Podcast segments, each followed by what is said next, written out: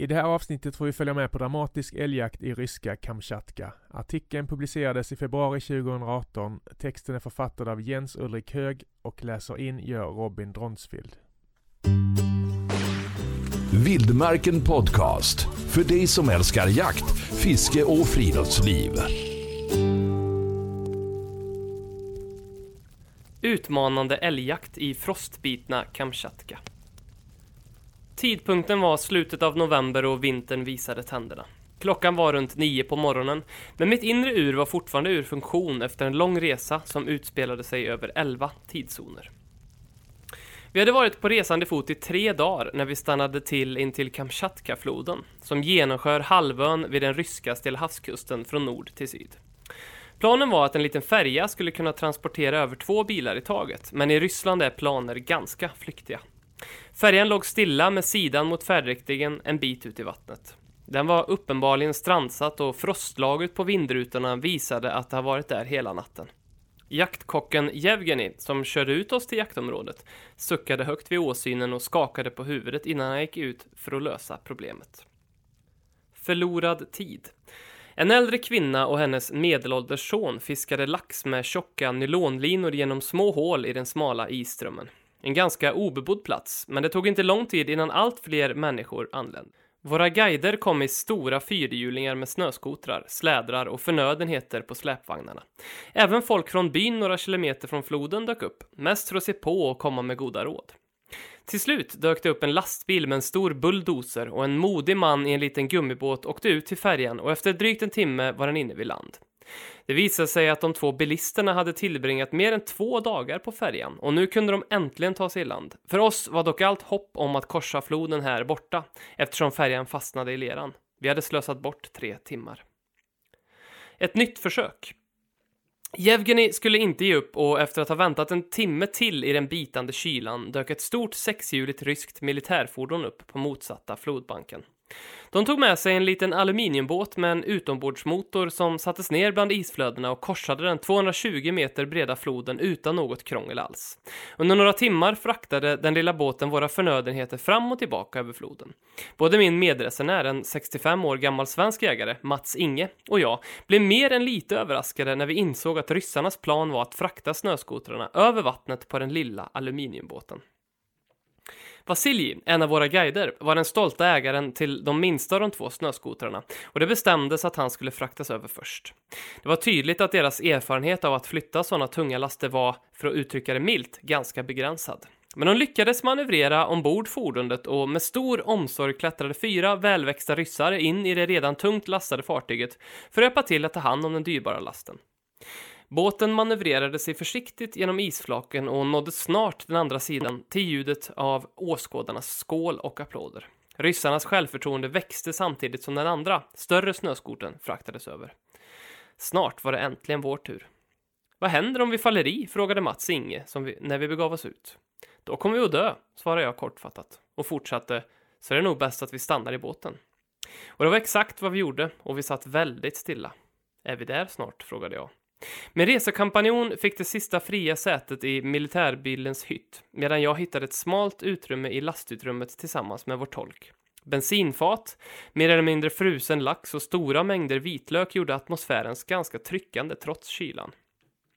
De sista sakerna som skulle laddas innan de rostiga bakdörrarna slogs iväg var två stora spetshundar som omedelbart satte sig ovanpå oss som om vi var de mjukaste och varmaste madrasserna på platsen.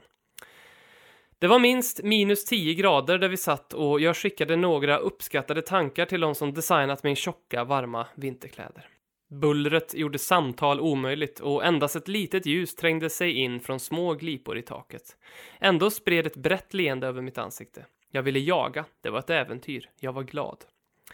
Efter en timme stannade trucken och dörrarna öppnades. Eftermiddagssolen låg lågt över horisonten och det var bistert kallt. Vi hade kommit till en stor by, men de flesta husen hade övergivits. Ett äldre par välkomnade oss och snart åtnjöt vi deras varma kök, skar bitar av bröd och salami och skålade för hälsan, jaktlycka och respektive hemland med lokal vodka. Det var fortfarande en lång väg att åka och den här trevliga stunden var bara ett kort stopp. Jag var snart tillbaka i lastbilens kalla lastutrymme med en hund i mitt knä. Vid denna tidpunkt hade mörkret fallit och temperaturen hade sjunkit ner till minus 20.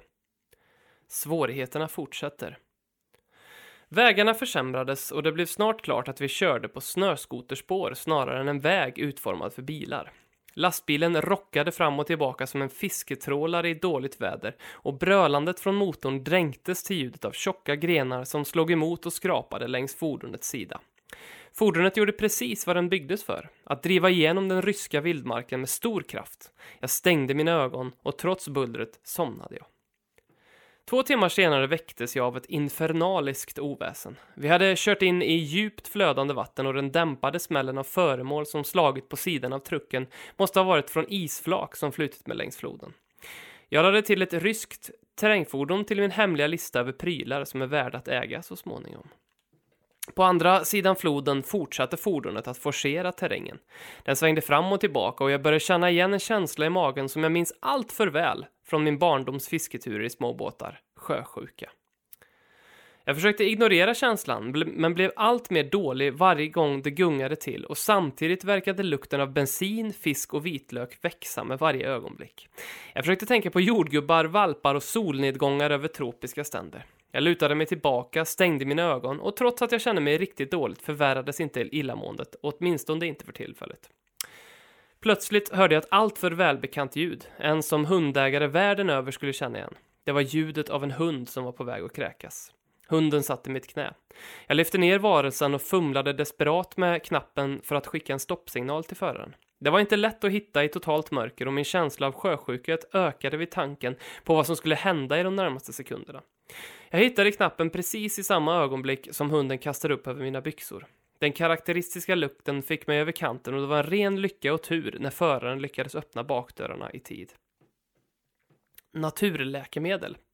Efter tio minuters paus och trots fötterna planterade i snön kunde jag fortfarande känna svängningen av trucken. Jag frågade försiktigt hur länge det skulle dröja innan vi kom till lägret. Det är en tre timmars bilresa, sa tolken efter en kort ordväxling med föraren. Tre timmar! Jag upplevde det som att jaktgudarna testade min beslutsamhet och utstötte en suck av uppgivenhet.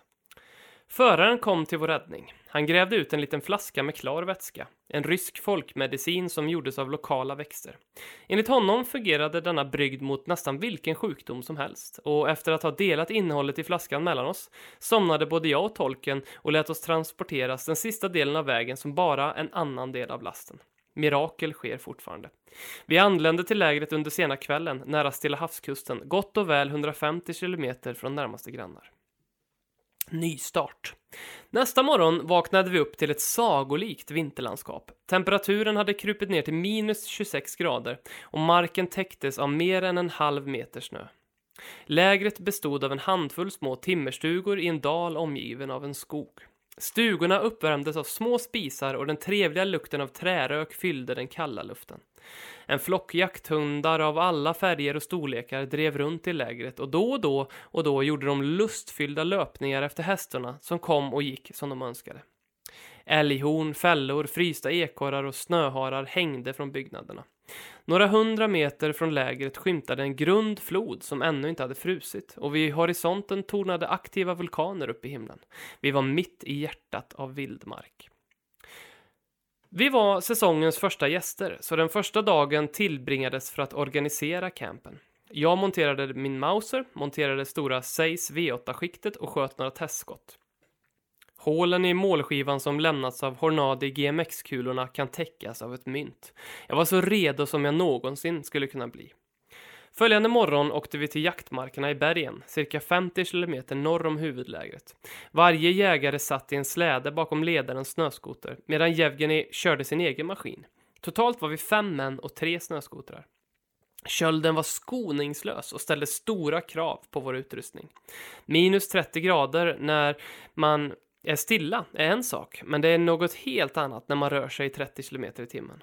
Jag hade termiska underkläder som ett basläger, långa ullsockor, superisolerade vinterstövlar, vadderade overaller och jacka, kompletterad med fleecejacka. Allt absolut nödvändigt. En balaklava och skyddsglasögon skyddade mitt ansikte och tjocka vantar med inre handskar i mina händer. Med rätt utrustning kan du fortfarande njuta av rörelsefrihet trots ett stort antal lager. Den vilda östern. Denna form av jakt är, för att uttrycka det enkelt, ganska speciell och väldigt annorlunda mot de typer av jakt vi är vana vid i Skandinavien. Jaktområdet är absolut obebott. De lokala jägarna är bara på jakt efter kött och på vinterjakt på älg är snöskotrar den enda praktiska transportformen i den djupa snön. Älgarna är få och utspridda på stora områden, inte på grund av höga jakttryck utan snarare tack vare de hårda vinterförhållandena och de många björnar som tar sin andel av kalvar under sommaren. Jakttrycket styrs av antalet utfärdade licenser och är faktiskt mycket lågt, vilket bidrar till att säkerställa att befolkningen innehåller många helt mogna djur. Det finns några riktigt bra mogna tjurar på halvön. Utmaningen är att hitta dem. Under jakten används snöskotrar för att spåra älgen. Det kan ta timmar att hitta färska spår och sedan ytterligare timmar för att få en glimt av villebrådet. Tyvärr är det ingen skillnad på spåren hos unga och gamla tjurar.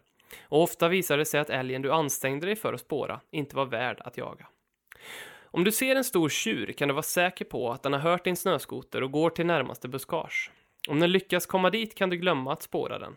Om du upptäcker ett djur som verkar lämpligt måste du vara redo att snabbt hoppa av släden och hitta en stabil plats att skjuta ifrån.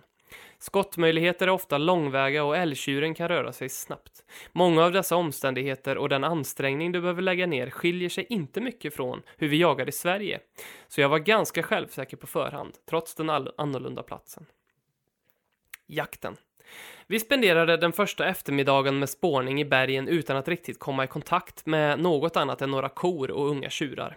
Vi såg en rejäl tjur som försvann i tätt buskage på långt avstånd, men det var det närmaste vi kom till skott på hela dagen. Den natten sov vi i en liten hytt och fem välväxta män som delar på 15 kubikmeter luft är en saga i sig. Det är en som jag kommer att lämna till läsarens fantasi och jag ska bara tillägga att jag sov så djupt att jag inte märkte något ovanligt i form av ljud eller lukt. Vi hade ingen jaktlycka nästa morgon heller, men vi åt lunch på en kulle i de vackraste tänkbara landskapet omgärdat av orörd vildmark så långt som ögat kunde se. Efter lunchen hittade guiden spår av tre vuxna älgar och vi började genast spåra dem.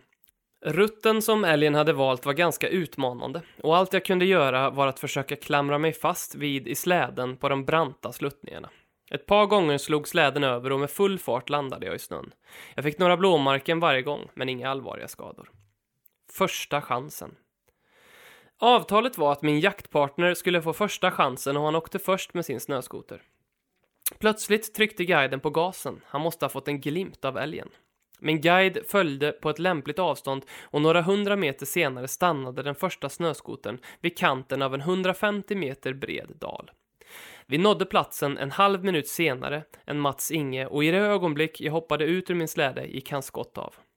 Jag rev av mina vantar, tog av huvudbonaderna, osäkrade mitt gevär och sprang några meter så att jag kunde se vad som hände. På den motsatta sidan av dalen sprangs tre stora älgtjurar uppför backen. Min guide pekade ivrigt på djuret i mitten, men i samma ögonblick som jag hittade det bröt min svenska vän tystnaden med ännu ett skott. Tjuren kollapsade. Det var lyckligt att jag inte hade tid att skjuta eftersom djuret jag hade i siktet var det som Mats Inge redan hade skjutit. En ny chans. De andra två tjurarna var sedan länge borta och efter ett snabbt meningsutbyte på ryska mellan de två guiderna gestikulerade de att jag skulle kasta mig tillbaka i släden. Jag lyckades precis att säkra mitt gevär och lägga det i rätt vinkel innan min guide, Stanislav, accelererade iväg för att följa spåren på tjuren som hade gått till vänster. Jag satt nu i släden bakom snöskoten utan huvudbonad och handskar och försökte hålla fast mig samtidigt som en kaskad av iskall snö kastades över mig. Jag kunde inte se någonting. Det var stundtals nästan omöjligt att andas. Varje andetag fyllde min mun med snö. Efter några minuter kunde jag inte längre känna mina händer eller mitt ansikte. Efter ett par minuter insåg jag att jag skulle kunna få permanenta skador om det här fortsatte och jag skulle precis släppa och rulla av släden för att få min guide att sluta när han stannade. Jag tog mig ur släden och tog bort isen ur mina ögon och tog bort några ögonfransar i processen. Solen som reflekterades av snön var bländande efter att jag hållit ögonen stängda under ritten. Jag svängde av geväret från min kropp och gjorde mig beredd att skjuta. Min hand var fullständigt bedövad. Den var ljusröd och det droppade snä smält snö från den. När jag pressade min tumme mot säkringen frös mitt finger till mot det kalla stålet. När jag med ett ryck drog tillbaka handen lämnade jag kvar en bit av huden. Min guide stod i närheten och hoppade nästan upp och ner samtidigt som han pekade på något ungefär hundra meter bort.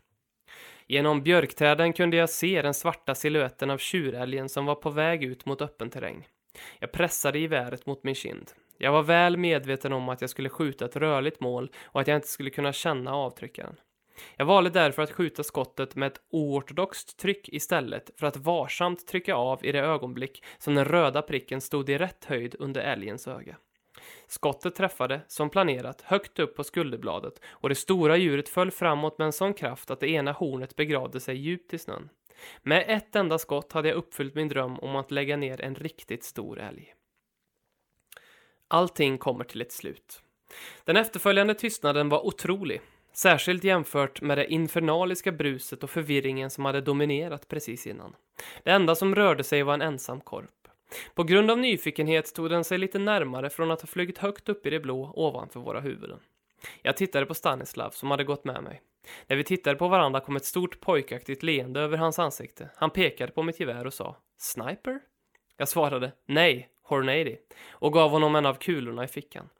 Han studerade dem intensivt i ett ögonblick innan han la den i fickan. En souvenir från den dag då en älg togs ner med ett enda skott.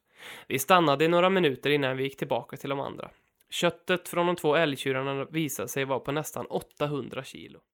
När vi åkte tillbaka några dagar senare delades köttet ut till byborna som bodde nära floden. Det skulle räcka för att ge dem alla en bra julmiddag. En vinterjakt på Kamchatka handlar inte bara om några intensiva ögonblick centrerade runt att ta ett skott. Det är ett riktigt äventyr i vildmarken från början till slut. En upplevelse man aldrig kommer glömma. Vildmarken Podcast. Hitta fler avsnitt och ta del av vårt digitala magasin på vildmarken.se.